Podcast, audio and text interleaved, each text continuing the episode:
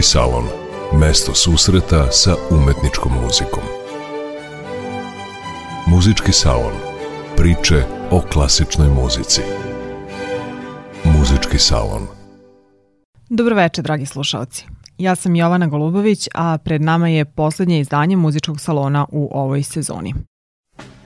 Juče je na različite načine obeležen Svetski dan muzike. U našoj zemlji, na sreću, epidemijska situacija je dozvolila da budu organizovani koncerti pred publikom uživo u većim gradovima. U Novom Sadu u dvorištu Jovine gimnazije nastupio je Vojvođanski simfonijski orkestar pod vođstvom dirigenta Aleksandra Kojića. Na programu su bile popularne numere simfonijske i operske literature, koje su izvodili solisti meco-sopran Ljubica Vraneš, sopran Vesna Đurković i bas Dragoljub Bajić. A nastupila je i 12-godišnja violiniskinja Lana Zorjan, laureat prestižnih takmičenja kako u zemlji, tako i u inostranstvu. O ideji da muzika dobije svoj dan pričalo se 1976. godine u Francuskoj kada je jedan američki muzičar tada zaposlen na francuskom radiju predložio celonoćnu muzičku proslavu prvog dana leta, koji je najduži dan u godini. Ipak prva zvanična proslava, nazvana Festival muzike, održana je šest godina kasnije, 21. juna 1982. u Parizu, na inicijativu nekadašnjeg ministra kulture Francuske Žana Langa. Zahvaljujući istraživanjima francuskog kompozitora i radio novinara Morisa Fleurea, koje su pokazala da svaki drugi mladi čovek u Francuskoj svira neki muzički instrument, rodila se ideja da se ti muzičari izvedu na ulice i pokažu svoje umeće. Odlučeno je da se svakog 21. juna profesionalni i muzičari amateri ohrabruju da sviraju na otvorenom, jer tada se sve više država priključuje obeležavanju ovog praznika koji pruža mogućnost da manje popularni muzičari široj publici približe umetnost i lično umeće. Od klasičara preko džezera do rokera i etno muzičara koji nastupaju na ulicama, trgovima, u parkovima. I posle skoro četiri decenije od prvog proslavljanja u jednoj zemlji, Svetski dan muzike obeležava više od 120 država širom sveta.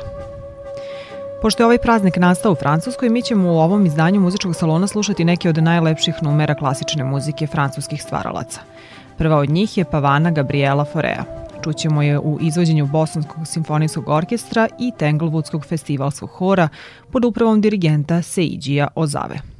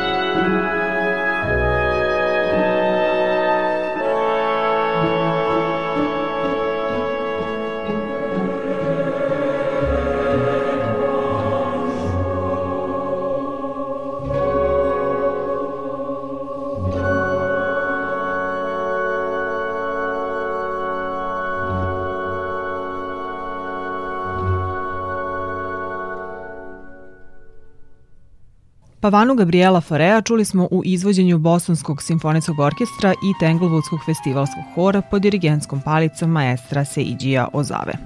Foreju je napisao 1887. godine za svoju patronu, groficu Elizabeth Grefil, prvobitno za klavir, a godinu dana kasnije i za manji orkestar sastavljen od gudača, drvenih duvača i horni.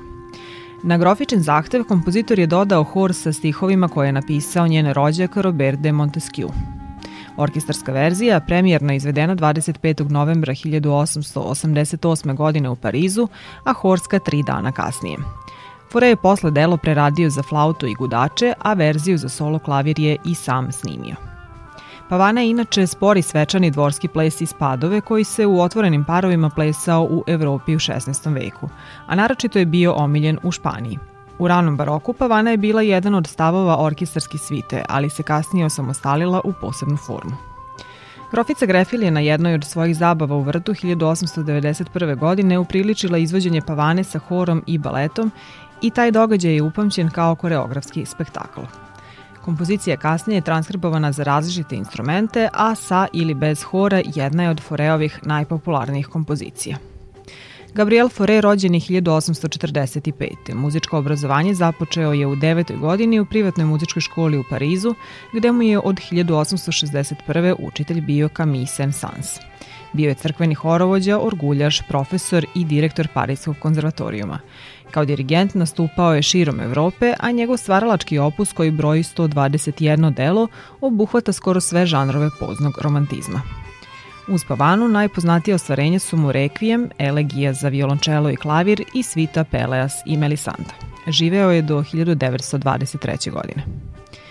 Nakon Foreove pavane čućemo još jednu. Reč je o kompoziciji Foreovog učenika Morisa Ravela. Pavanu za umrlu infantkinju slušamo u izvođenju orkestra Saito Kinen pod vođstvom maestra Seijija Ozave.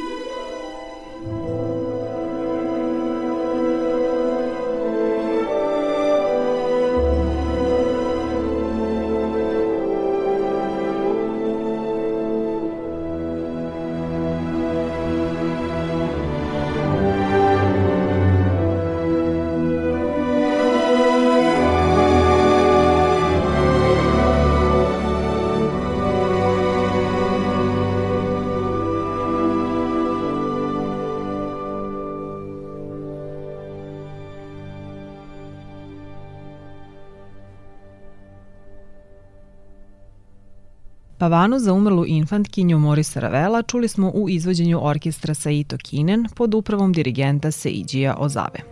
Ravelio je napisao 1899. godine dok je studirao na Parijskom konzervatorijumu kod Gabriela Forea i posvetio ju je svojoj pokroviteljki Vinareti Singer.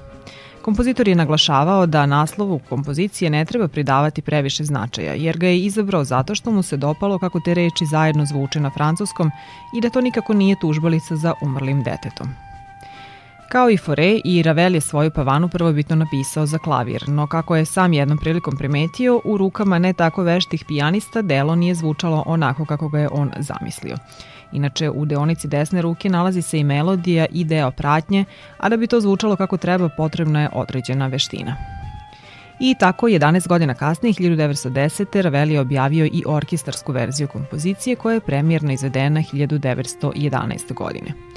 Originalna partitura pisana je za dve flaute, obou, dva klarineta, dva fagota, dve horne, harfu i gudače.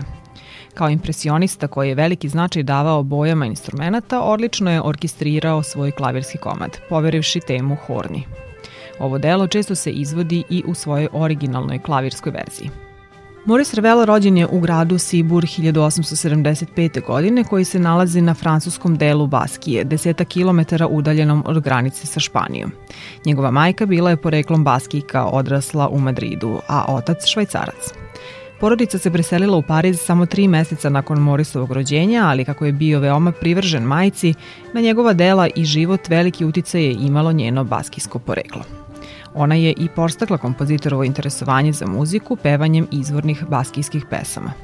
A u pozadini slušamo Ravelovo najpoznatije delo, španski ples Bolero.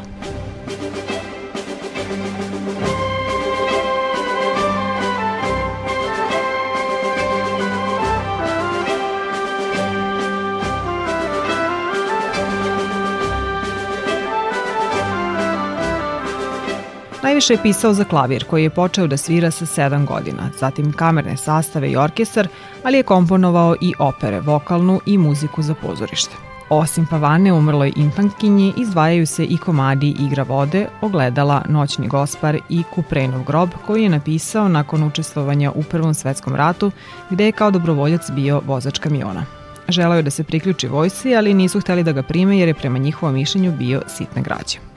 Koncert za levu ruku napisao je 1931. godine kada mu je pijanista Paul Wittgenstein rekao da nema posao jer je u ratu izgubio desnu ruku. Gudački kvartet, sonata za violino i violončelo, klavirski trio, balet Daphnis i Chloe i opere Dete i Čarolije i Španski sad samo su neka od poznatih Ravelovih ostvarenja. Živeo je do 1937. godine.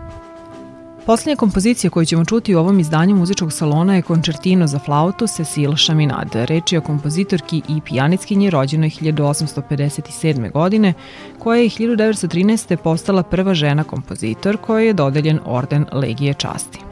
Proslavile su je salonske kompozicije za klavir i glas, dok su ozbiljnija dela, koje uključuju operu, balet i orkestarske svite, bile manje zapažene. Ipak su skoro sve kompozicije bile objavljene i dobro prodavane za vreme autorkinog života. Preminula je 1944. godine. Koncertino za flautu napisala je 1902. kao poručbinu Parisog konzervatorijuma posvećenu flautisti Polu Tafanelu. Godinama kasnije je klavirsku deonicu orkestrirala. Mi slušamo izvođenje mlade Hayley Miller i Bostonske omladinske filharmonije pod dirigenskom palicom Benjamina Zandera. S vama su bile ton majstor Marica Jung i Jovana Golubović. Uživajte u lepoj muzici i tokom leta, a muzički salon ćete ponovo imati priliku da slušate od jeseni. Naravno, svih emisija možete da se podsjetite na sajtu RTV-a na odloženom slušanju.